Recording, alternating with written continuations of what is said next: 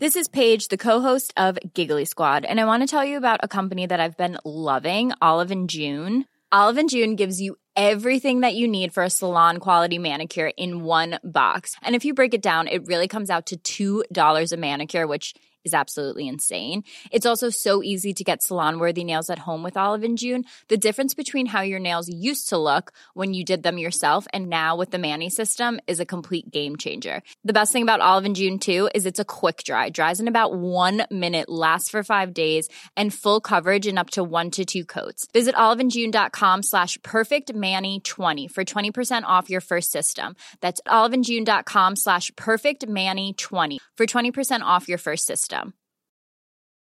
There's never been a faster or easier way to start your weight loss journey than with PlushCare. PlushCare accepts most insurance plans and gives you online access to board-certified physicians who can prescribe FDA-approved weight loss medications like Wigovi and Zepbound for those who qualify. Take charge of your health and speak with a board-certified physician about a weight loss plan that's right for you. Get started today at plushcare.com slash weight loss. That's plushcare.com slash weight loss. plushcare.com slash weight loss. Podplay.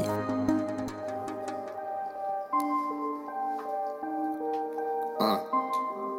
Yeah. Du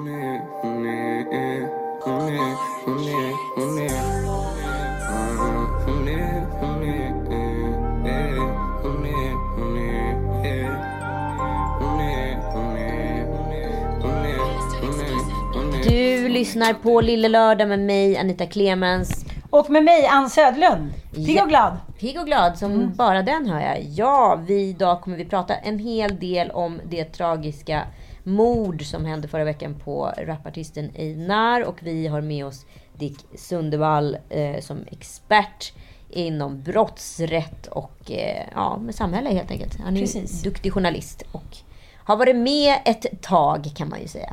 Krimreporter. Precis, men vi ska också såklart prata om Bachelor och vi kommer också prata om stammar och sen har vi lite lyssnarbrev. Precis, men inte nog med det. Nej. Vi har eh, även lite, mm, ja, vi har eh, nystat lite i varför det är så svårt för människor att erkänna att de har gjort fel. Så det är bara att stoppa in hörluren ordentligt för nu åker vi.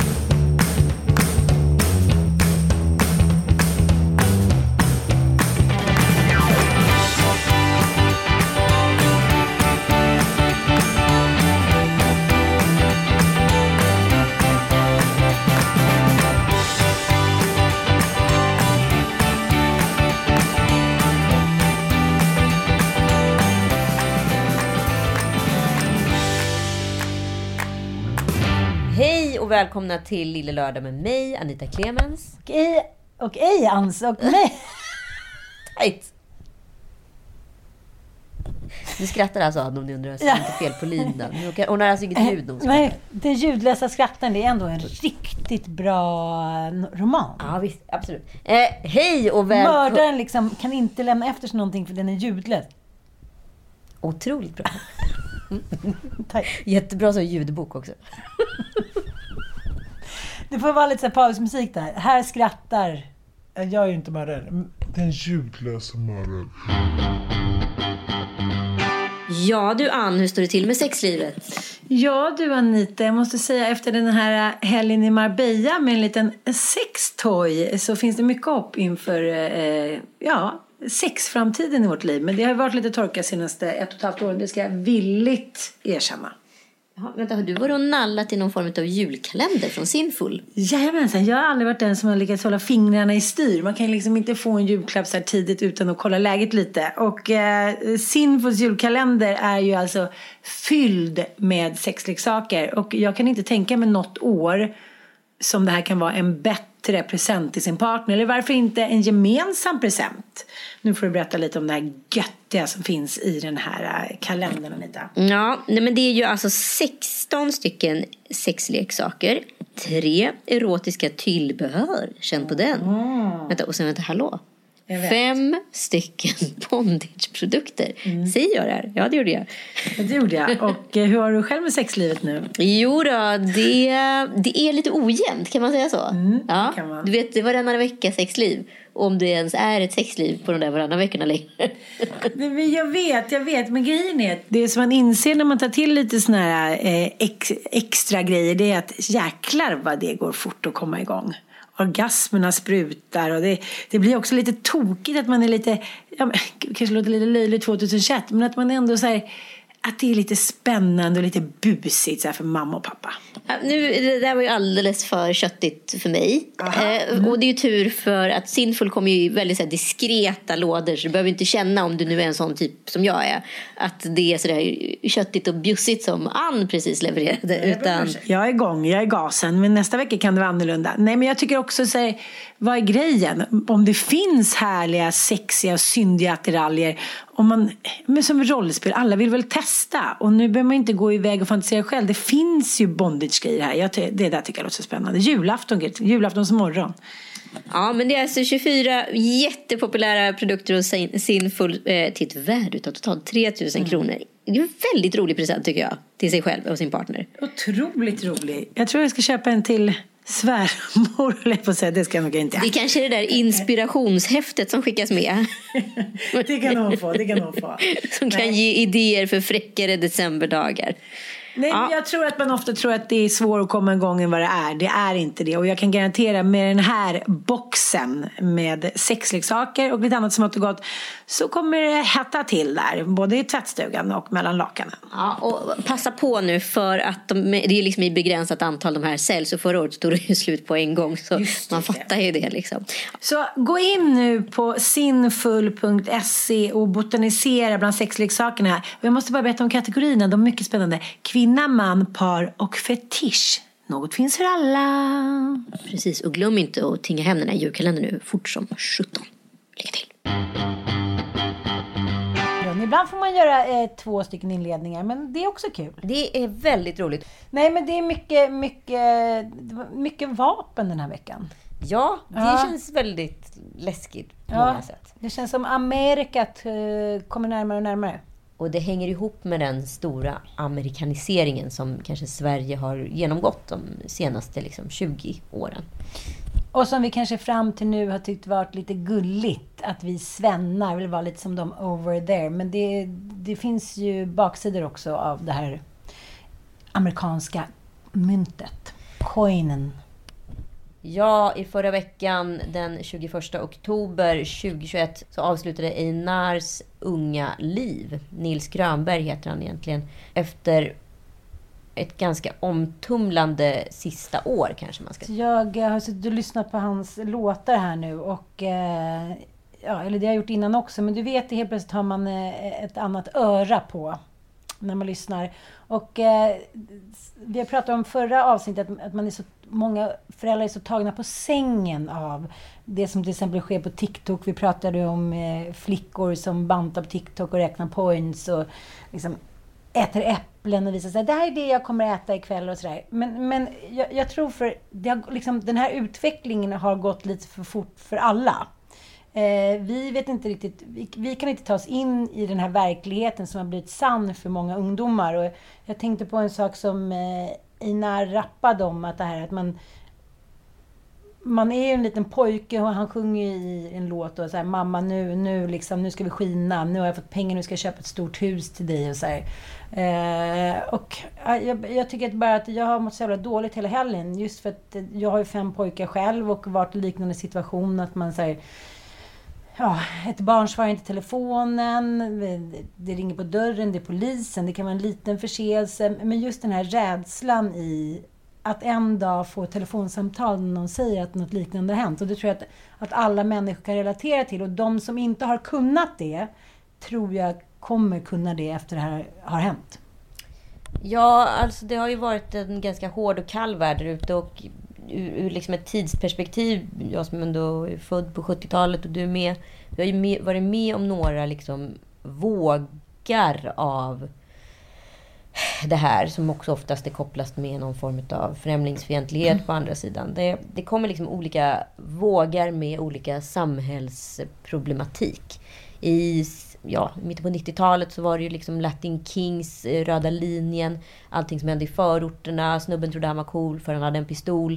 Det var första gången jag liksom, mött, liksom stötte på liksom gängvåld och grejer. Och jag bodde i Strömstad på den tiden. Det låg så långt bort ifrån min verklighet. Men ju närmare Stockholm man kom förstod man att det var en annan mentalitet runt det. Eh, sen så var det väl liksom egentligen andra vändan som man ska kalla för, jag vet inte vad jag ska kalla det, snabba cash-vända nummer ett. I början av 2000-talet och nu har det gått 20 år till och vi är på samma plats. Och vi ska faktiskt prata med, med experten Dick Sundevall lite om just de stora penseldragen i samhället om vad som har hänt. Här kommer intervjun. Välkommen till Lille Lördag Dick Sundevall. Det är andra gången du är med här och är expert. Ja. Ja, ska vi ta en liten kort presentation utav dig? Du kanske kan få göra den själv eftersom vi pratar om gängkriminalitet. Journalist och författare har jobbat med rätts och kriminalfrågor i, ja det är 40 år nu. Hela historien om mitt liv höll jag på att säga. Nästan. Ja. ja, men fantastiskt. Vad kul att få ha med dig här igen. Vi pratar ju som sagt om Ja, vi berör ämnet Einars eh, liksom, tragiska död lite och den gängkriminalitet som vi sett liksom, ett mönster på under längre tid. Men vi försöker lite reda ut vad som är vad. Skulle du lite kunna berätta bakgrunden till, som du ser på det? Ja, alltså dels vet man, det vet man internationellt, att hårdare och längre straff, det gör ingen skillnad. Vi har eh, USA och Ryssland som exempel på, på betydligt hårdare straff och en oerhörd brottslighet. Och det där har aldrig fungerat. Och eh, eh, alltså det har, på en punkt tycker jag man har gjort rätt och det är att man har höjt straffen för eh, olaga vapeninnehav och det kan man göra ännu mer. Idag så griper man någon med, med pistol eller revolver eller ännu värre ett automatvapen då blir han ju gripen och häktad och så småningom dömd och inlåst. Och sen kommer inte ut på gatan igen efter en dag eller två som det var förut. Och det där kan man höja ännu mer. Ja, för nu är det höjt i två år, men man kommer väl ut ungefär efter ett halvår, ett år ish. Och det finns ja. väl knappt fängelseplatser längre, eller? Nej, det gör det inte. Och eh, det är alltid tråkigt när ett samhälle måste bygga nya fängelser. Det, det det är ett negativt tecken så att säga och när justitieministern står i presskonferens och säger vi har flera fängelseår, alltså flera inlåsta på längre tid än någonsin. Och så är han stolt över det. Jag tycker en, en klok person skulle vara stolt över att man kunde säga att vi har färre än någonsin. Mm. Men, men vi, har, vi river fängelser, det vore väl verkligen någonting att slå sig för bröstet på än att vi måste bygga nya. Dick, får jag bara fråga en sak? Du som har varit med ett tag och du har bott i de södra förorterna. Jag är uppväxt i Farsta, eh, kallas för Knivfarsta. Eh, om man ska se utveckling med just vapen som, eh, ska vi säga inom situationstecken, pojkar använder sig av för att vara tuffa eller hota och sådär. Kan du säga hur utvecklingen har skett just med alltså, unga män och vapen? Att, att det är lättåtkomligt med skjutvapen, det är ju relativt nytt. Va? Stökiga tonårskillar som är uttråkade och, och som vill gruffa och konfrontationer det har alltid funnits. Sen det som då inte var när jag växte upp, det var att ingen hade tillgång till skjutvapen. Möjligtvis var någon kompis som åkte ner till Italien med sina föräldrar och köpte en massa billiga stiletter. De där ramlade nästan ihop när man hade Men det var ju lite tufft att ha med fickan. Men, mm. men, eh, men idag köper man ju alltså vapen då utomlands på olika sajter som är då pluggade, alltså vapen som inte kan skarpskjutas. Men sen köper man då reservdelar här hemma i Sverige, snickrar ihop det och ser plötsligt har ett skjutvapen. Det är så det ser ut. Ja, ja så smugglas det in vapen och man kommer åt det på olika sätt. Inbrott där och sånt där. Och det där är ju, det förändrar ju väldigt, väldigt mycket.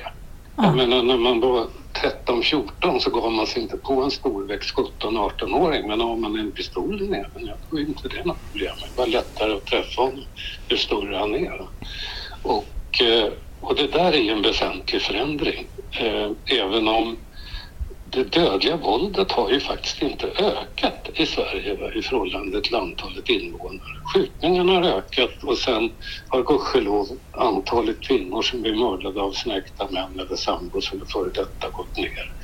Och, men fortfarande är ju kniv ett vanligare dödsvapen så att säga. Men idag så skriver man inte så mycket om kvinnor som mördas utan det är bara gängskjutningar, gängskjutningar. Skjutna men det, men det här jag vill komma till, att det, det var en recensent i Aftonbladet som gjorde en pudel också. Jag skäms över hur vi musikrecensenter har behandlat Einar.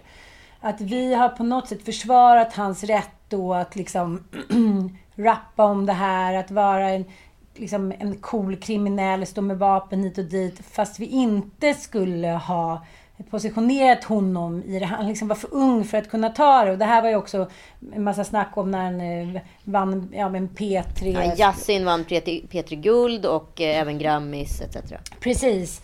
Att, att vi har liksom inte förstått allvaret i det här. Vi har på något sätt skrattat lite åt de där pojkarna som står med attrapper och vill ha tjejer och gara och hash och hit och dit. Jag vet själv eftersom precis eh, samma sak hände mig. Jag var i och för sig kriminell och rörde mig i kriminella kretsar innan karriären. Men jag skulle säga att rapkarriären blev som en språngbräda rakt in i mycket, mycket, mycket grövre kriminalitet. Och eh, jag har också vid flera tillfällen också nästan blivit av med mitt liv. Så det hade lika gärna kunnat vara en artikel om mig som ni hade kunnat läsa idag.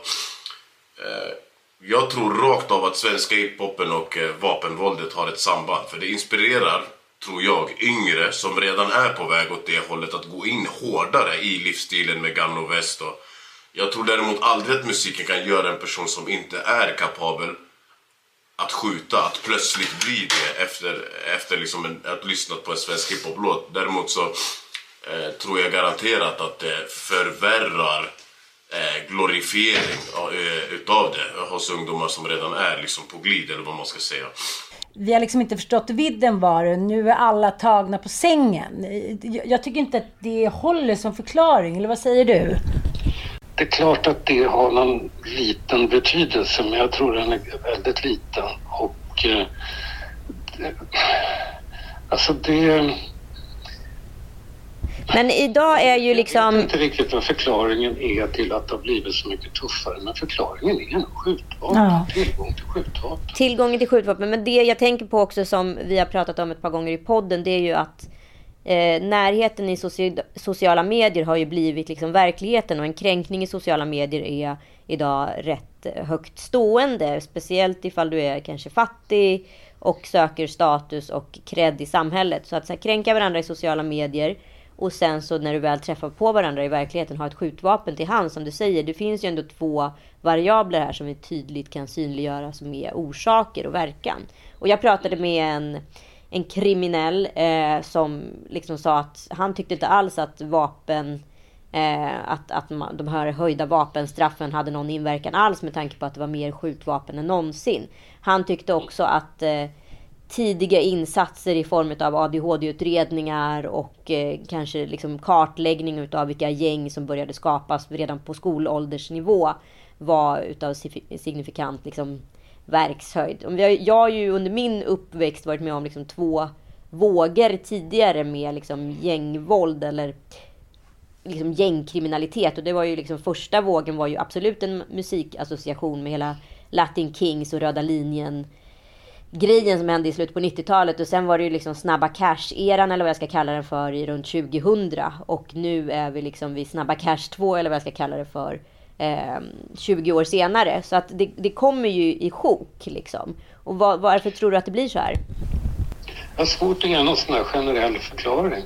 Men en sak du säger, det här med att gå ner i åldrarna. Det där menar jag, det är också den andra punkten där jag tror på hårdare lagstiftning, det är att man måste gå ner i åldrarna. Idag, du får inte ta några urinprov och grejer på en 13-åring som du griper. kan inte påvisa att han har, har, har någonting i sig. Och jag tycker man ska gå ner till åtminstone 13. Sen ska man inte sätta 13-14-åringar i fängelse. Men att man får vidta åtgärder så att säga. Kalla dit föräldrarna. Kommer de inte så skicka efter dem med polis. Att det, att det ska svida lite mer. Jag pratade med en eh, kompis och hennes son då hade ja, kommit hem påverkad. Hon var så här, vi åker direkt in, vi åker till Mariapol då som är ett eh, ställe här i Stockholm dit man kan vända sig då när, ja, antingen blir man omhändertagen dit man skickas om man eh, vinglar omkring för onykter eller påverkad av narkotika.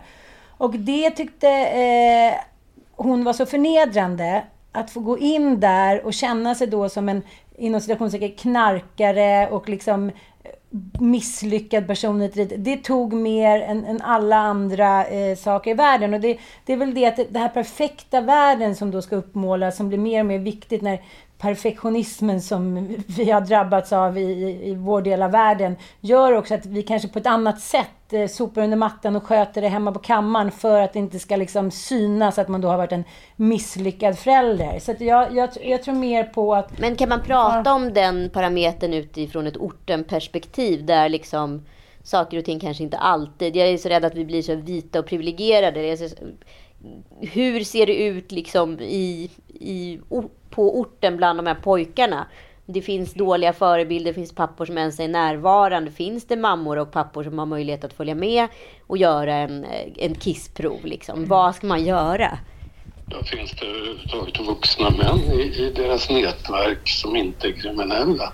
Precis. Det, eh, och då får man diverse andra ideal. eh, Och det blir Rambo-typer och sånt där. Men det som är liksom den stora chocken tror jag för medelklass Svensson är väl att helt plötsligt är det en vit kille på 19 år som har blivit ihjälskjuten och där någonstans blir en ögonöppnare att det faktiskt pågår rätt avancerade grejer. Ja, precis. Ja, det är otroligt fokus på lyxförorten Hammarby Sjöstad. Men jag tänker också, eh, Dick, att det här med att det kollektiva liksom, har försvunnit mer och mer och att ungdomar uppfostras till att liksom bli elitistiska väldigt tidigt och tänka indi- på individnivå. Att så här, du ska välja skola, du ska hit och dit. Och jag tänker hela idrottsrörelsen. Det är så mycket som samverkar. Nu finns det ingenting annat som lockar för unga killar utan de känner ett utanförskap och innan kanske de fångades upp av, ja men du vet, eh, någon i plugget, eh, idrotten, någon, eh, någonting inom det kollektiva. Och det tror jag också handlar om det här med kränkning. Att om du, om du är en del av kollektivet, då tar du inte allting så jäkla personligt. Men nu när allting är så här individen, du ska vara kungen och bla bla bla och allting är väldigt, väldigt ytligt och du säger om du inte når framgång så är du ingen. Då blir det också väldigt mycket lättare att bli kränkt för sin egen persona. Förstår du vad jag menar? Är det. Det är inte så enkelt som att peka ut det ena eller andra. Det är en kombination av flera saker.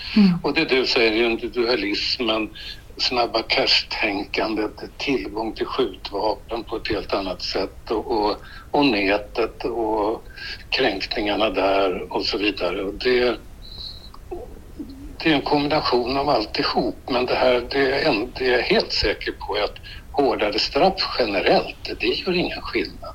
Sätta in ganska unga människor i fängelse på ett antal år. Ja, det, vi har ju mer återfall än, än väldigt många andra länder. Ja, men det finns ju en ny eh, liksom, lagstiftning som ska göra så att kan du associeras till ett gäng, alltså enligt så här, sicilianska maffiametoden, hur man liksom fick ordning på den, så ska du åka in. Så vad tycker du om det då? Jag tycker det låter rätt så säkert väldeliga så att säga.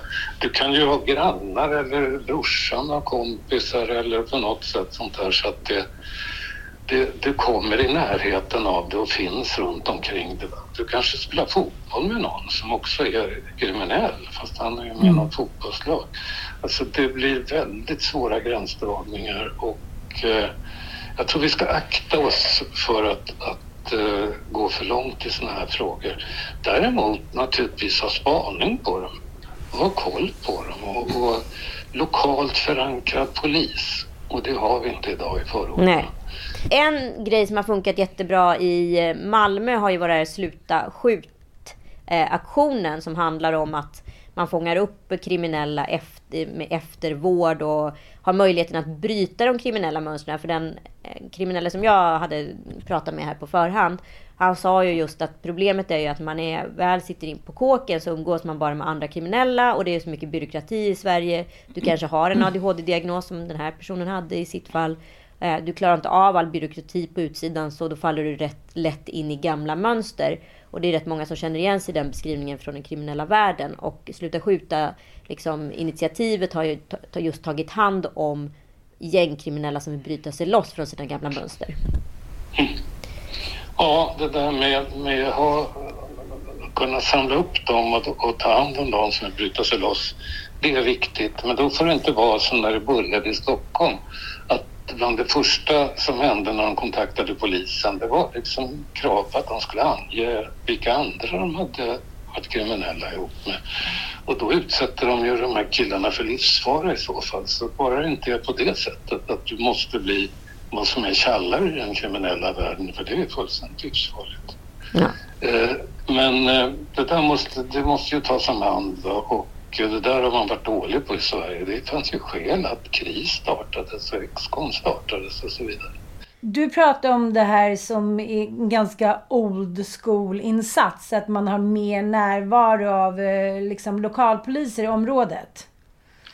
Och det har man ju gjort nu eh, till exempel i, i Märsta och i Valsta som haft eh, stora problem med det här. Och där märker de ju väldigt snabbt en tydlig nedgång av rån och att just de som är då yrkeskriminella som det heter är mindre aktiva på grund av att polisen är mer närvarande.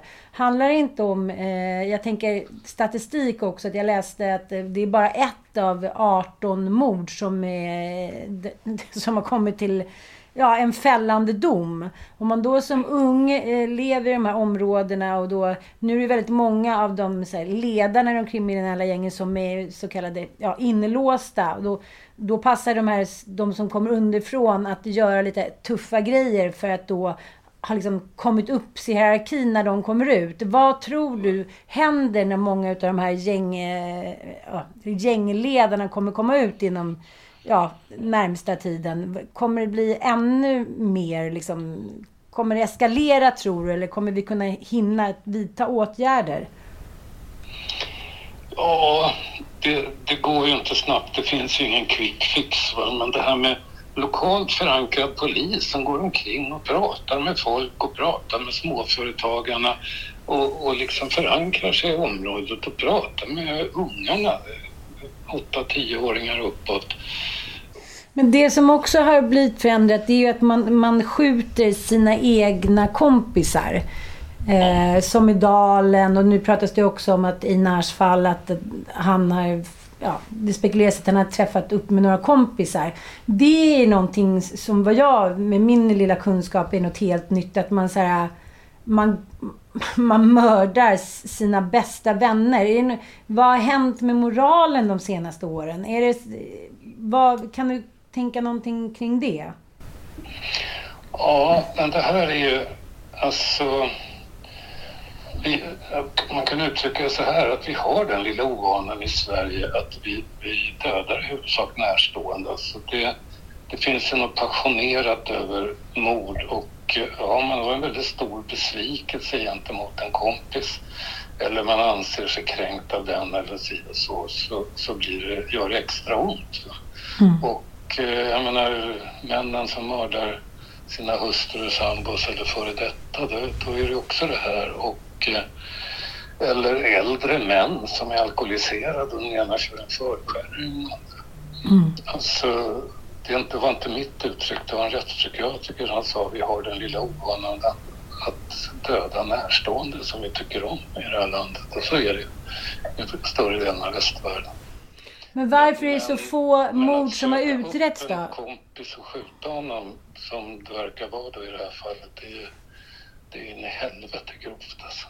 Ja, och på så, så, så, så ren avrättning. Men varför är det då så få mord som utreds? Är det på grund av att det grova våldet och skjutvapnen gör att vi är så jävla rädda. För att Einar vågade ju inte vittna i sin då egna rättegång. Men hans mamma och pappa gick dit och eh, sa så lite som möjligt. Det verkar finnas en otrolig eh, rädsla hos ungdomar där ute. Just att de kan bli fimpade. Och det måste ju bero på den här ökningen av skjutvapen. Att innan kanske man kunde få en smäll som du sa. Eller i värsta fall en kniv kom upp. Men, men, nu är det liksom att man skjuter varandra. Det måste ju också försvåra allting. Utredningar och lojalitet. Etc. Denna rädslan måste ju vara helt förlamande ute i, i de här orterna.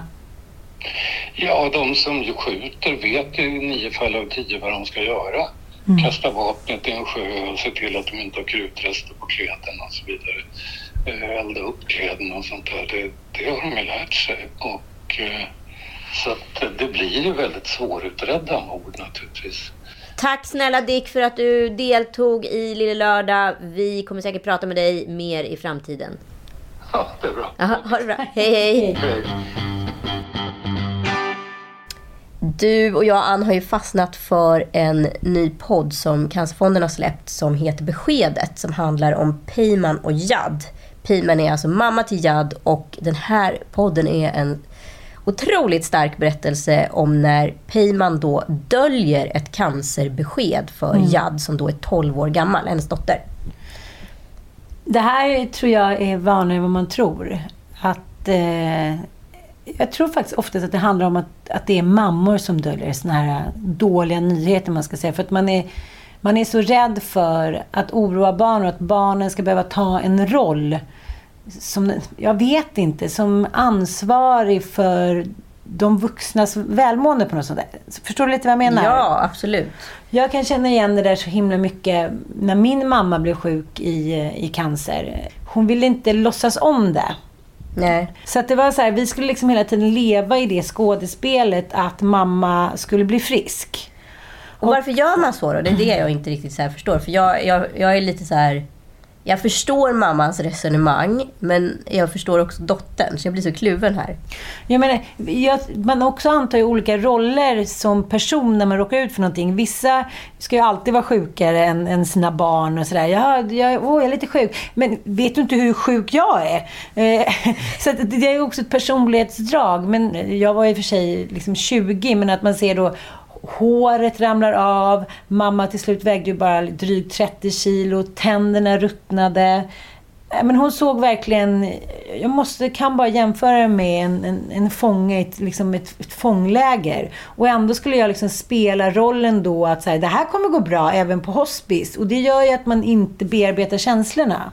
Och så tänker man så här, varför kan inte hon dela det här med mig? Hon är ju min mamma, hon är den viktigaste människan i mitt liv. Men varför vill man vara oärlig mot sina barn? För man är så rädd att såra dem eller? Ja, men jag, det handlar inte om att vara oärlig. Jag tror också i mammas situation så handlade det om att hjälpte henne. Jag vet inte, men, men jag tror att det handlar om att man, man vill sköta det här själv och se till att barnen inte blir lidande. Men, men jag tror precis tvärtom. Jag kan inte, jag har lyssnat på den här podden och jag försöker verkligen förstå. Men i slutändan säger jag så här, nej, det är hemskt att inte veta vad som pågår. Och det, jag som jobbar så himla med anhörigskap och medberoende, att det värsta som finns säger alltid barn när de har vuxit upp i, i, liksom i familjer där det har behållits en hemlighet. Antingen det handlar om sjukdomar eller att man har druckit eller att mamman eller pappan har varit otrogen eller så, här, så är just känslan av att man vet att något är fel. man får inte bekräftat. Ja, barn är som hundvalpar.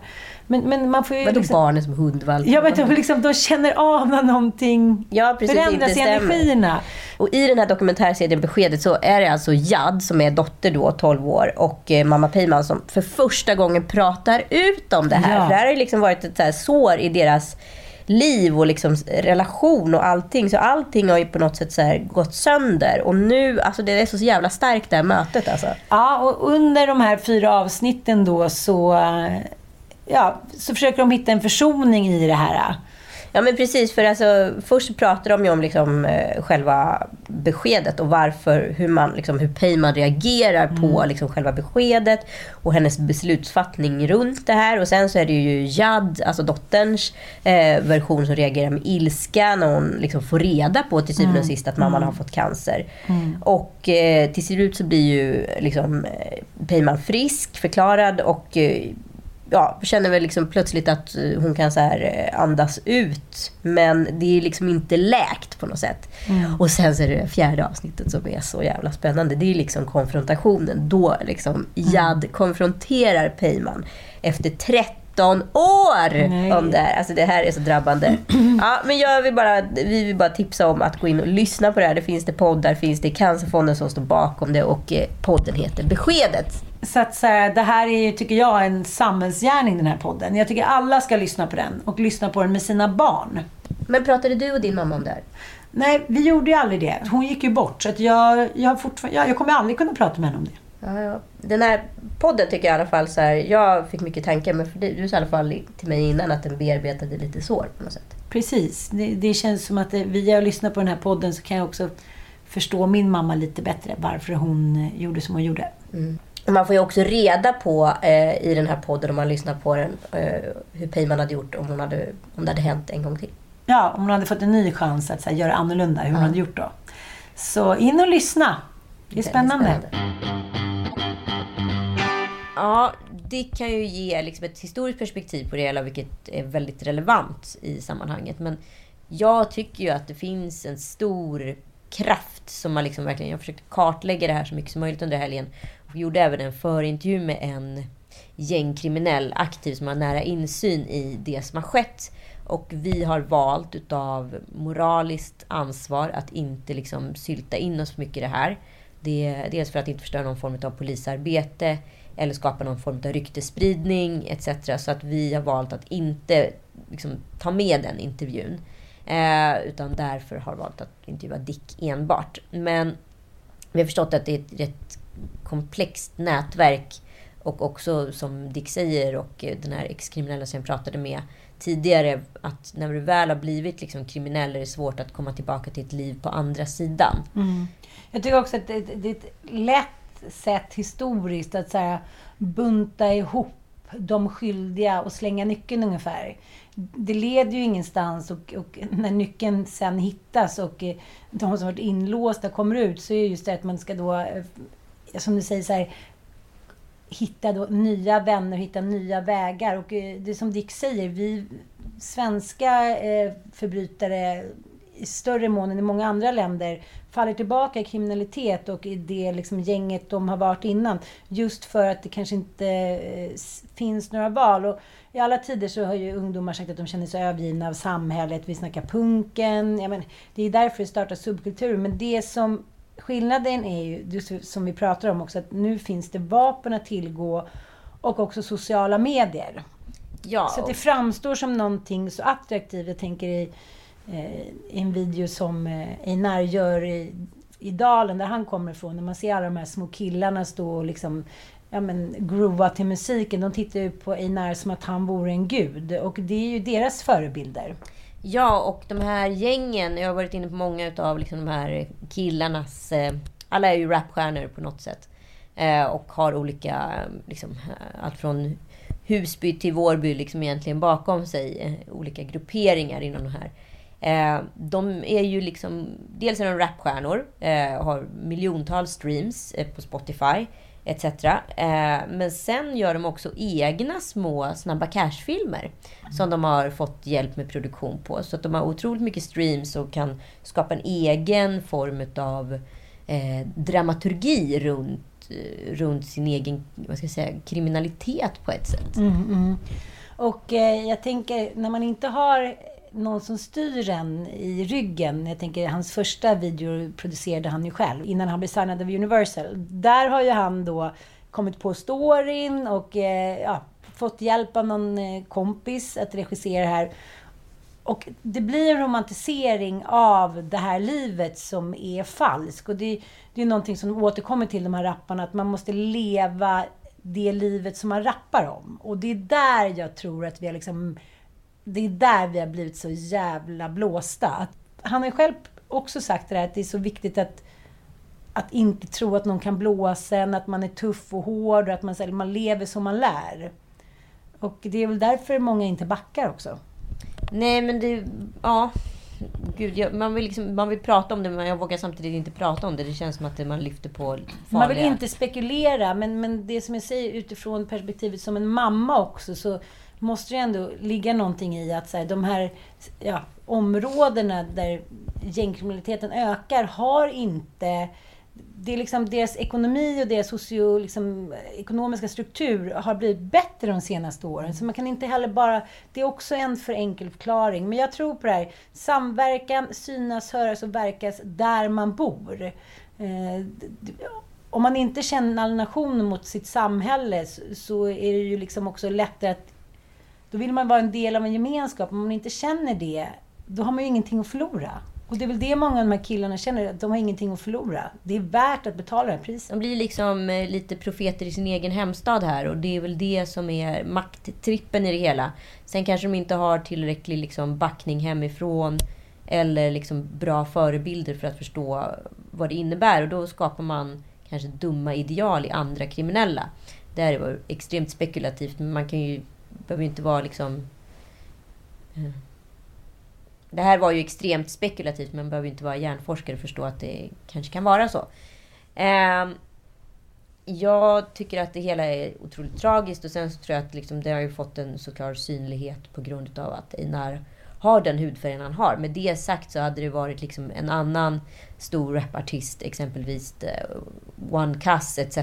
Så hade det ju självklart gett avtryck på, på vad heter det, oss. För One Cast har varit med i Benjamin, så det är gulligt. Och alla de här killarna är ju superkriminella och jag är ju mer så här, vad har streamingtjänster, skivbolag, eh, eh, musikpriser, recensenter. Vad har vi för ansvar? TV-program. Ja, men jag har ju flera av de här i mina spellistor. Alltså, så här, vad kan vi göra för att inte bidra till mm. kulmen? Sen tror jag inte liksom att att en morsa plus 40 har några spelisar. Det är inte, det är inte där problemet ligger, utan ligger liksom i, i hela samhällsstrukturen. Men precis som Dick säger, är det många, många parametrar som måste samverka. Det handlar inte bara om att låsa in folk enligt mm. någon SD-retorik. Liksom. Och mina småfjärtar lyssnar ju en, en hel del på den här musiken också och går och yttrar såna här ord ja, som de gör i de här texterna. Och det kanske också skapar någon eh, tolerans mot eh, allt det de tittar på också. De tror ju att det är en saga. Och det kan jag känna också utan att vara spekulativ med de här killarna också.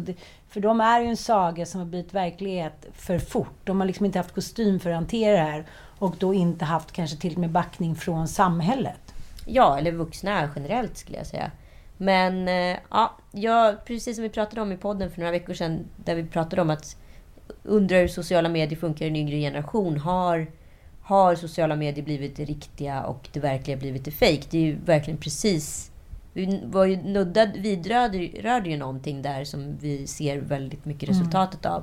Att kränkningarna sker via låtar, via sociala medier. Där piskar stämningen upp. Och sen så när man träffar varandra så snackar man inte utan skjuter man varandra.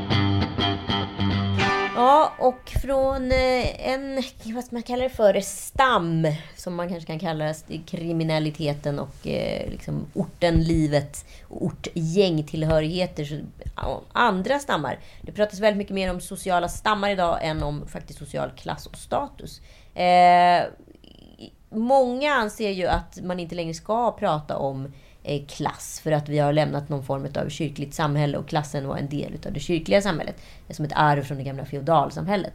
Idag eh, ingår man i en stam. Så att om du flyttar till ett visst distrikt eller börjar umgås med en viss typ av personer som egentligen är långt kanske bort från din klass. Men baserat på hur du trivs och hur du när dig i det området. Om du träffar en partner från den klassen, stammen etc.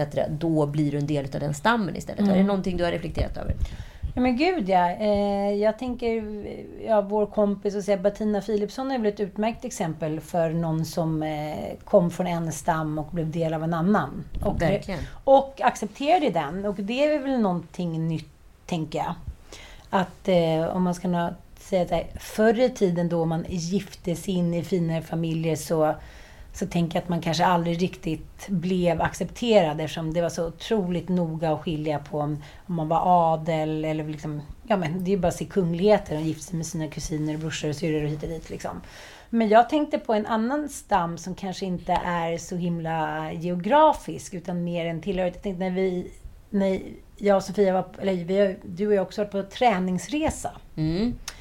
Att det också är en sorts stam, att vi som eh, ja, vi som är tränar och vi som eh, på något sätt eh, sätter oss själva, eh, kanske inte främst, men i alla fall i första ledet, Jag tyckte det var väldigt lika. Många hade väldigt lika smycken till exempel. Mm. Eh, och lika väskor.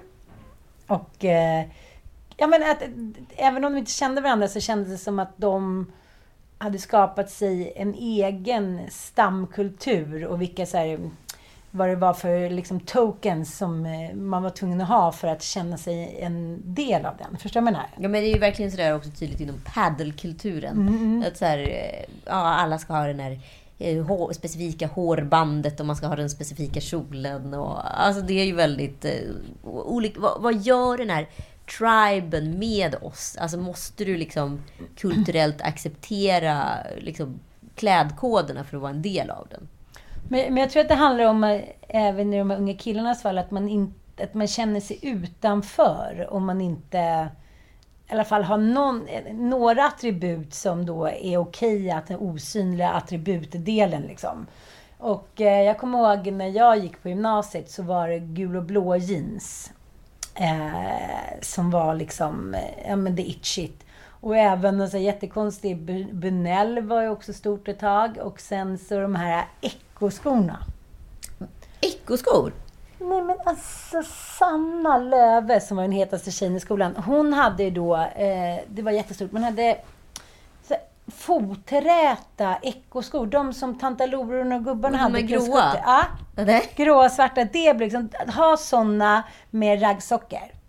Det blir liksom det hetaste man någonsin kunde vara. ha. De var ju svindyra. Så, men Sanna Löfves då, som var den hetaste bruden, och eh, hon hade ju kanske storlek 36 i skor. Men när mina 41 paddor plus raggsockor stämplade omkring. Nej men då var jag ju liksom Agatha Christie skelett hetare än vad jag var när Men på något sätt kan jag tycka att om det inte går till överdrift så kan det vara lite fint tycker jag. Det är ju som små tjejerna har så här gummisnoddar du vet. Som är som armband och att det kan vara lite som en tribe-känsla. Mm, men men eh, det, det fastnar ju ofta inte där. Utan det fortsätter ju till att det har eskalerat och det är väl det som har hänt nu liksom. Från en helt annan stam till en annan. Vi låter oss prata om Bachelor-stammen. Mm. Nu måste vi malla oss lite. Att malla sig inte fel. Nej då. eh, om två veckor så kommer ju eh, Anitas verk här. Eh, Simon och Sebastian till vår studio. Jag raggade upp dem. Mm. Och då sa jag så här, vill ni inte komma och gästa mig och Ann? Och de blev så glada. Mm. Ja. Så det kan inte ha undsluppit dem. Nej. Så, Vårt idoga jobb för deras existens. exakt. Så det blir ett alldeles eget specialavsnitt där vi har då både Simon och Sebastian i studion. Så glöm inte att skicka DMs på Lille Lördag Podcasts Instagram. Ska vi se om vi kan få med några lyssnarfrågor. Men det hände ju någonting i förra veckans avsnitt och det var ju kanske en av tv-historiens roligaste ögonblick. Eller bortförklaringar kanske man ska säga. Det är ju när Sebastian då bortförklarar sig så här för Majken. grej som jag bara skulle vilja... Ja, ja. Eh, nej men när vi satt där borta och pratade kände jag att eh, du hade tittat på mig. Att du bara pratade.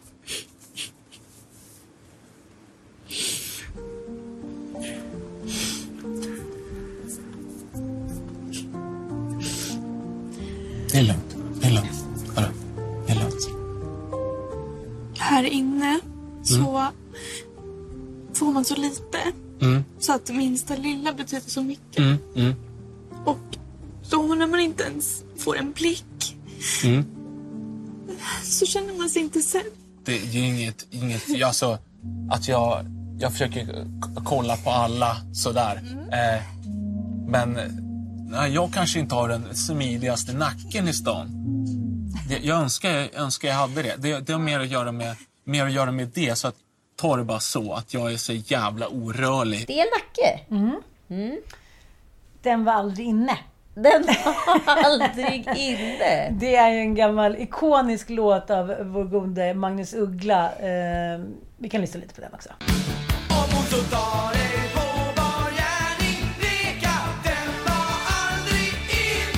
Ja, men det är så här. Eh, nu har ju Sofia Wistam berättat om det här så många gånger i sin podd så jag känner inte som att jag på något sätt hänger ut henne.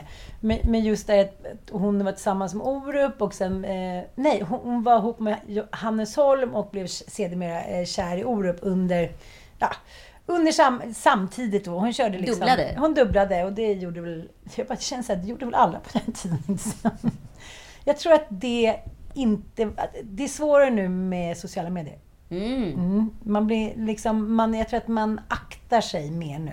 Ja, men det måste ju också vara lite lurigt för Sebastian nu som dejtar sex tjejer parallellt och har hånglat, Mm. med, eller, ja, har hånglat med alla i huset i princip som är kvar. Mm. Och har en relation till alla och alla de här tjejerna liksom lever ihop i någon form av harem och snackar med varandra. Det är många som har varit så här, skrivit till mig på eh, Instagram DM och sagt så här. Det där är liksom inte okej. Och vi har även haft den här diskussionen på en middag. Man kan inte göra så. Jag är så här, men han är ju bachelor. Han är ju där för att välja brud. Det är väl klart han får göra så. Eller? Mm, Vad säger du Ann? Nej, nej, jag fattar. Men, men jag tänker att det handlar om den mänskliga liksom, överlevnadsinstinkten. Att man känner sig som ett sånt jävla arsle. Hur många gånger har man inte hört kompisar så här, som gör slut på sms? Mm. Eller strutsar. Eh, jag är en av dem. Att man säger det gör inte så ont om man hittar på en lögn, även om alla vet att det är en lögn. Nej men precis, men jag tänker, är det ett moraliskt dilemma att man får man, får man som bachelor provhångla? Provköra bilen? Ja, men alltså, För det sitter ju mycket i kyssen, tänker jag. ja men gud, allt Det är väl inget feodalsamhälle som liksom så här, man ska vänta, vänta till är giftmålet. Nej, nej, nej, in nej, men jag tycker så här. Någonting som jag kände också i senaste avsnittet, eller det har jag känt innan också, men ännu tydligare som vi pratade om, är att båda de här killarna ger verkligen det här en ärlig chans. De är inte med bara för att här, bli kända och kanske få ligga mer sen. Utan de verkar faktiskt eh, på ett ärligt, autentiskt sätt vilja finna kärleken. Gud ja, Mm. och jag, jag känner att så här, jag, jag måste faktiskt vara lite så på, i grabbarnas, på grabbarnas sida. För att jag tycker det är jättetöntigt det tjejerna håller på med, med någon form av så här moraliskt fackförbund där de inte ska få dejta de olika tjejerna. Utan så här, han har ju valt mig. Nej men han har ju valt mig. I'm Brian and so am my Så wife. Askungens systrar Ja. Men det är ju min glassko. Varför kommer de här liksom Nej men jag vet inte. mekanismerna? Men jag tycker att det känns också väldigt prudentligt allting. Det är så här, när de sitter och pratar, man vill ju ha lite liksom... Det ska vara lite sexigt, det ska ånga lite, det ska vara liksom, man ska testa sig lite fram precis som det är när man ska välja partner. Det är väl fan samma sak man är singel och går in på en fest. Det, blir, ja, men det har väl hänt att man har hånglat med både en, två, sju killar på samma fest. Absolut. Och, men, men det jag menar är att vi säger att man har hånglat med två killar på en fest, eller festival, vad det nu handlat om. Så, är, alltså, så väljer man ju den som man hånglar bäst med. Det är ju så män, människan fungerar. Man vill ju inte ha en rotborste eh, till farsa. Nej men också plus att jag har tänkt väldigt mycket på hur torftiga samtal de har. När de sitter och käkar middagar. Mm. Det är ingen brud som väljer att ta så här kommandot och liksom köra på och köta lite. Utan alla sitter och väntar in Bachelorn. Och ett råd till er tjejer är så här, det är ju inte Fröken Sverige, liksom, vinnarna längre som får prinsen. Utan så här, ni, ni kan ju våga utmana er själva lite. Det var ju en eh, lunch där, eller var det middag, där Simon och Bastian satt med Nora och eh, Majken. Mike. Och du vet, jag bara känner så här, nej men nu eh, ringer snart kommunfullmäktige från Västerås och säger så här, ska vi lägga in gurkor i helgen? Nej, men, nej men älskling, nej, så här, kom igen nu, lite får ni väl bjucka på. Jag menar inte att det bör gå till överdrift, men så här, jag vet Nej inte. men det var ju verkligen så här. Alltså det är ju preussiska samtal. Men ska jag också minnas lite, när man var i den där åldern så var man ju präktigare än vad man är nu. Gud, För man ja. trodde att man hade någonting att bevisa och det visar sig, ju längre man lever så har man ju inte det. Det blir ändå samma gång på gång ändå.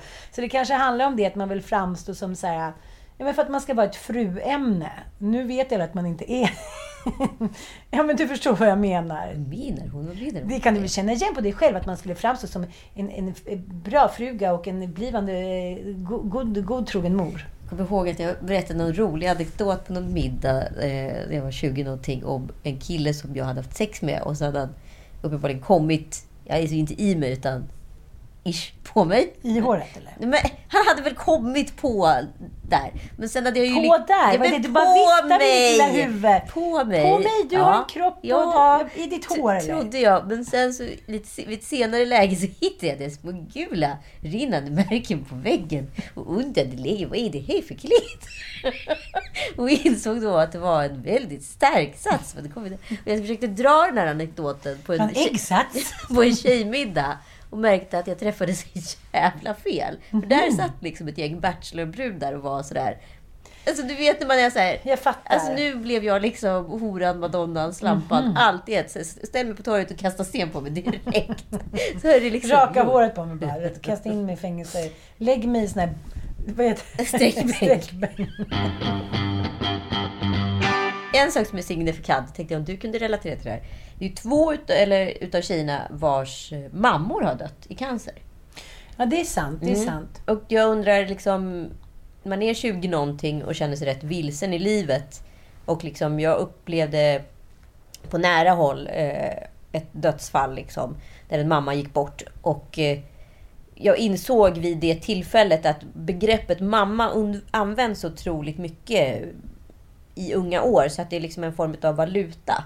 Eh, och den här exkluderingen kan göra en rätt vilsen. Tror du att de här tjejerna är vilsna eller starka för att de är med i Bachelor? Du har själv bli- blivit av med din mamma i unga år. Mm, mm. Jag kan inte säga att, att, det, det, att det har stärkt mig på något sätt. Och det där är säkert olika. Men hon verkar ändå ganska sammansatt, Nora. Men, men jag tänker att eh, just det där att, att leva, att växa upp utan en pappa. Det, det var intressant det där du sa. Jag tänker hur många gånger per dag som mina barn säger mamma. Mm. Nej men det är på ett sinnessjukt sätt. I morse så, så Frasse då, om jag går ner och han vaknar till exempel och då börjar han direkt skrika mamma. Och nu så accepterar inte jag det längre så att han får skrika på där uppe. Och han blir galen. Mm. Men i morse var det första gången som han provade med pappa. Mm. Som glad i hågen sprang upp. För det visste han ju så här, att pappa klarar inte av lika, liksom, eh, både hjärtemässigt men också stressmässigt. Men, men bara att, att avsaknaden av ett barn som kanske säger mamma mellan 30 och 700 gånger per dag beroende eh, vad de har i behov av. Att bara det går förlorat. Mm. Liksom språket av att säga mamma. Och vi kan hålla på med biologi tills vi liksom blir 60 000 år. Men, men eh, jag tror att jag tror, de flesta jag känner som har blivit av med sin mamma i en ung ålder vittnar om att man länge känner sig eh, eh, ja, utan någon riktning på något sätt. Ja. Och då kanske man också är med i ett program som Bachelor för att hitta kärleken. Ja, men du hade ju baserat på Sebastians lilla fadäs med Majken. Precis, eh, precis. rotat fram andra gudomliga bortförklaringar. Jajamensan. I efterdyningarna av eh, till exempel Trump så är det många som skyller på honom. Bland annat Arnold Schwarzenegger skyller på honom att hans tittarsiffror då han tog över efter Donald i den här vad hette det nu? Apprentice. Apprentice. Att det är hans fel då att människor tittar på Arnold och känner så här usch, Donald var en äcklig typ och så vill de inte titta längre. Mhm. Make no sense. Make no sense Nej. at all. Och eh, en man som heter Ove, den här eh, fantastiska filmen som också var eh, Sveriges bidrag till Oscars. Just det. Och då har Rolf Lassgård sagt att eh, det är Donalds fel då att han inte fick den statyetten. Mhm. Mm, eftersom på grund av det rådande politiska klimatet. Det, det påverkade hans chans eh, att få en eh, Oscar då. Aha. Och det har känts sedan Donald Trump gick ut med inreseförbud att det här skulle kunna ske då. Och någon som också skyller sin viktuppgång på Donald Trump, det är eh, Barbara Streisand. Ja, det är spännande. Ja, hon menar att hon, hon ska då gå ner i vikt och hon går upp och hon dricker sina liksom eh, juicer och bantningsteer och sen så slår hon på BBC eller CNN och så hör hon Donald Trump prata då. Och då blir hon så stressad. Så då, så hon säga, så då går hon direkt och, och eh, blandar ihop en smet och steker amerikanska pannkakor med grädde och sirap. Det är, jag måste säga att det kommer upp fram mer och mer grejer om Barbara Streisand där som blir så spännande. jag vet, älskar Barbara. Hon är ju som att så här, hon borde ju finnas på TikTok. Ja, hon borde finnas överallt. Vi borde göra en tv-serie om henne. Jag kan spela Barbara. Du kan spela Barbara. Nej, men det finns ju eh, eh, tusen eh, olika... Men det är så människan fungerar. Att man, man har ju väldigt, faktiskt... Ganska, människan har ganska höga tankar om sig själv. Så när man väl misslyckas då så är det någon form av överlevnadsinstinkt och att man måste skylla på så här... Om man sitter till exempel i grupparbeten eller man är med i någon så här med frågesportsprogram. Så, det var ju inte jag, det var ju hens fel liksom som inte typ kunde lika mycket som jag och bla bla bla. Liksom. Eh, Så då har vi ju klassiska liksom, bortförklaringar. Guds hand utav Diego Maradona. Och... Ja, ja, ja. Det här eh, beteendet då att, så här, att vi eh, förfular till exempel eh, om jag ska berätta att du har gjort något, vi har på en middag som inte blev så himla kul, så ska jag berätta då för en kompis om hur middagen var. Då tenderar man ju ofta att så här, himla med ögonen. Så här. Och då sa Anita att det tycker inte jag att jag ska göra. Så som vi ibland eh, får lite kritik för i podden, att vi liksom lägger oss till med olika dialekter och så här. Det är tydligen ett sätt då.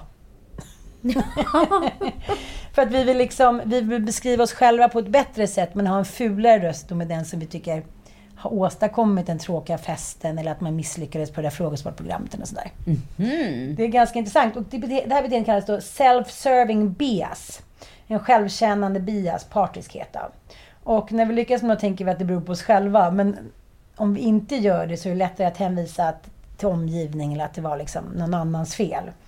Eh, och, och, till exempel där om någon kör av vägen så handlar ju det inte om att man är en dålig bilförare utan ja, men det var halka och den framför körde på och bla bla bla. Och då kan jag ta ett rykande färskt exempel när jag och Nisse Hallberg åkte Vasaloppet förra året. Och sen så stannade han till lite och satte sig ner i, i spåret. Och då var jag tvungen att liksom väja, men då förlorade jag kontrollen över skidorna. Så då åkte jag rätt ut i träd. Finns detta filmat? Ja, det, det, det är alltså... Det ser ut som att jag åker mot en säker död. Nej, det är som galen. Alltså jag ser så galen ut. Jag är så söndersnöad och har liksom slagit i huvudet. Och där sitter Nisse och så här, skrattar lite. Och så länge efteråt så var det så här, det var Nisses fel. Och Nisse bara satte sig och jag hade inte en chans. Och så här. Nej, men åk inte bakom honom då. Eller? Oj, det här är nya Ann. Ja, Jag är så chockad utav din nya liksom, medvetenhet om dig själv. För, du, alltså, för mig är ju du Bias mamma. Ja, jag är verkligen Bias mamma.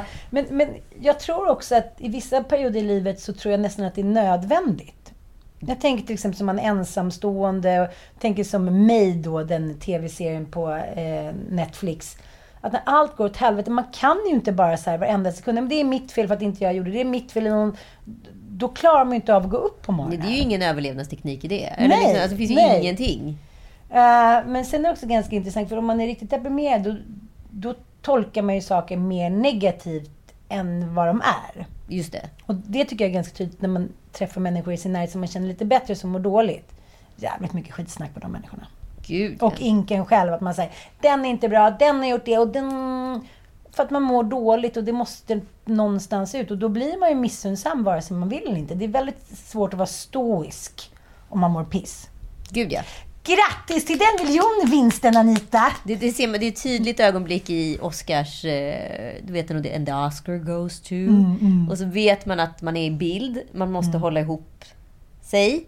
För att den här kameran kommer avslöja vad du egentligen känner. För att det där avgörande ögonblicket, den där nanosekunden när du inte hör ditt namn. Det kan liksom säga allt vad du tycker om den personen, vad du tycker om eh, misslyckandet hos dig själv. Alltså kan, allt, allt, allt, allt. allt. Och det ser man ju även i Bachelor. Vissa har ju ett bättre pokerface och vissa är bara så här, de tappar helt. Mm. Inga namn nämnda. Har du ett bra pokerface? Gud, jag vet inte. Jag kan tänka mig att jag har det. Det är svårt att se att jag har ett bra pokerface. Jag, jag har ingen aning. Gud vad roligt. Kan vi testa på något sätt? Nej, det kan vi ju Nej, det inte. kan vi ju inte. Ska vi har- förolämpa oss? Ja. Vi se hur vi reagerar. Se att det är en slampa utan rumpa. Nej, men någon som har ett jävligt bra pokerface, det är faktiskt Brad Pitt. Jaså? Jag har tänkt på det många gånger. Mhm. Han är ju också skådis, så att han har ju möjligheten att träna upp sig. precis. Ja, men apropå... Eh, familjen eh, Piccioli så eh, syntes ju faktiskt hon, eh, Angelina med alla sina barn på den här premiären av Eternals. Eh, och de såg väldigt Amish ut allihopa, eh, nästan. Det var återvunna kläder och... Jag tyckte jag såg någon gammal Angelina-trasa där på Mm. ena dottern. Ja, mycket spännande, mycket spännande. De är inte så olika Brad någon av dem, det kan jag inte säga. Nej. Vi Starka har gener. ett eh, lyssnarbrev som är utav det lite tyngre slaget. Så det ska vi ta nu. Hej Anita! Jag och min kille har försökt få barn i 12 månader. Jag känner mig så misslyckad. Jag är också rädd för att det ska vara något stort fel. Jag är i åldern där alla börjar skaffa barn runt omkring en. Och det dyker upp nyfödda barn och tillkännagivna gra- graviditeter i rosa skimrande Instagraminlägg. Varje dag känns det som. Alla verkar bli gravida på max 2-3 månader, åtminstone är det vad jag säger. Det här gör mig så ledsen och det känns så orättvist. Hur ska man hantera detta? Går det ens? Och tack för världens bästa podd förresten. Tack så jättemycket. Men vad är det för utredning hon ska göra? Ja, det är väl en fertilitetsutredning. Ja, bara så att vi eh, fastställer det. Eh, Jag fattar precis den där känslan. Det känns som att så här, när man eh, känns när man väl har bestämt sig så vill man att det ska gå så himla himla fort. Mm. Men så här är det ju idag att eh, nästan alla människor eller kvinnor tillsammans med män eller vad man har, har en stor, stor, stor, stor möjlighet att bli gravida. Så jag tycker att du ska försöka vila i att det inte alls är säkert att det kommer visa någonting och i så fall så tar du tag i det då och du kommer få den bästa hjälpen du kan få. Ja, hjälp finns. Eh, men sen förstår jag liksom... Jag själv tänkte liksom att jag kunde planera allt i mitt liv. Eh, för det hade jag ju kunnat göra i hela mitt liv. Ja, men så här ska jag jobba med det här, ska jag göra det här, ska jag uppfylla mig själv. Alltså det var liksom en del i det mönstret jag hade byggt upp med mig själv. Och så, när jag är 32 ska jag ha två barn. Ah, det kommer vara så bra. Så blev det inte. Eh, jag eh, började bli gravid. Eh, det gick rätt fort faktiskt. Men jag lyckades nämligen inte behålla ett enda foster. Så alla kom in och så kom de ut. Kom in och kom ut. Och det här höll på att knäcka mig eh, fullständigt som person. Det som hände i livmodern flyttade upp till hjärnan och det kändes som ett stort liksom, misslyckande. Och jag kände mig misslyckad. Och det här misslyckandeskapet kände, gjorde mig att jag blev bara osäkrare, och osäkrare, oroligare, oroligare. Jag antar att jag la en enorm stress på kroppen. Så till sist så bestämde jag och Kalle oss för att eh, vi pratar inte barn. Vi skaffar ett annat projekt. Vi skaffar en ny lägenhet. Vi fixar ett sommarhus. Vi, whatever. Vi gör någonting annat i ett års tid som inte har med barn att göra. För det här är för jobbigt. Och eh, ja, kompisar runt omkring får vara glada för sina graviditeter och bebisar. Och vi kommer vara glada med dem. Men det ska inte ha med oss att göra. Och jag kan säga den lilla liksom förflyttningen att inte längre fokusera på vad som händer i kroppen. Det gjorde en jättestor skillnad och helt plötsligt var vi gravida. Men det var en jätte, jättejobbig första tid fram till 12 veckor. Det kommer förmodligen vara den dag det händer. Men ha det i åtanke och precis som Ann sa, det finns väldigt mycket hjälp att få idag. Så ta den. Och eh, min syrra, en liten passus. Eh, hon eh, fick ju sin dotter här i maj och då hade hon fyllt 50. Så att... Det är eh, helt otroligt.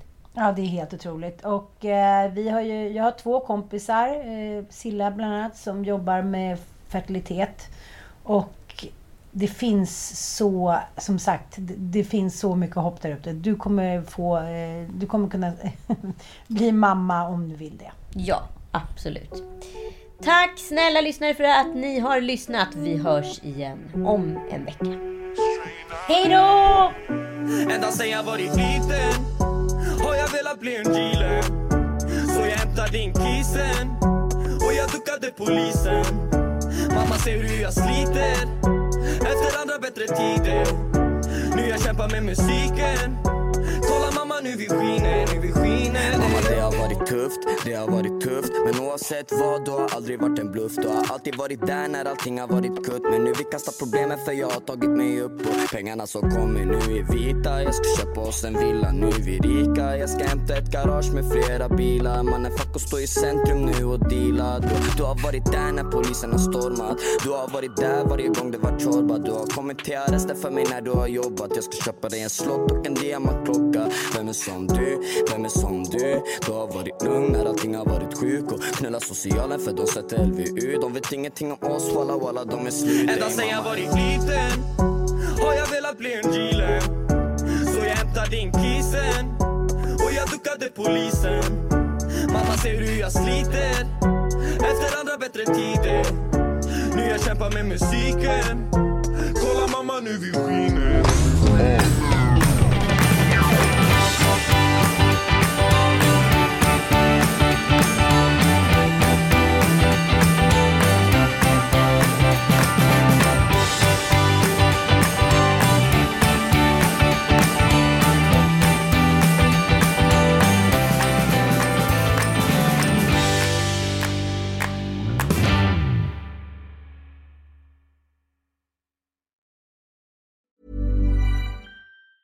Even on a budget, quality is non-negotiable. That's why Quince is the place to score high-end essentials at 50 to 80% less than similar brands. Get your hands on buttery soft cashmere sweaters from just 60 bucks, Italian leather jackets, and so much more. And the best part about Quince, they exclusively partner with factories committed to safe, ethical, and responsible manufacturing. Elevate your style without the elevated price tag with Quince. Go to quince.com slash upgrade for free shipping and 365-day returns. Imagine the softest sheets you've ever felt. Now imagine them getting even softer over time. That's what you'll feel with Bowl and Branch's organic cotton sheets. In a recent customer survey, 96% replied that Bowl and Branch sheets get softer with every wash. Start getting your best night's sleep in these sheets that get softer and softer for years to come. Try their sheets with a 30-night guarantee. Plus, get 15% off your first order at bowlandbranch.com. Code BUTTERY. Exclusions apply. See site for details.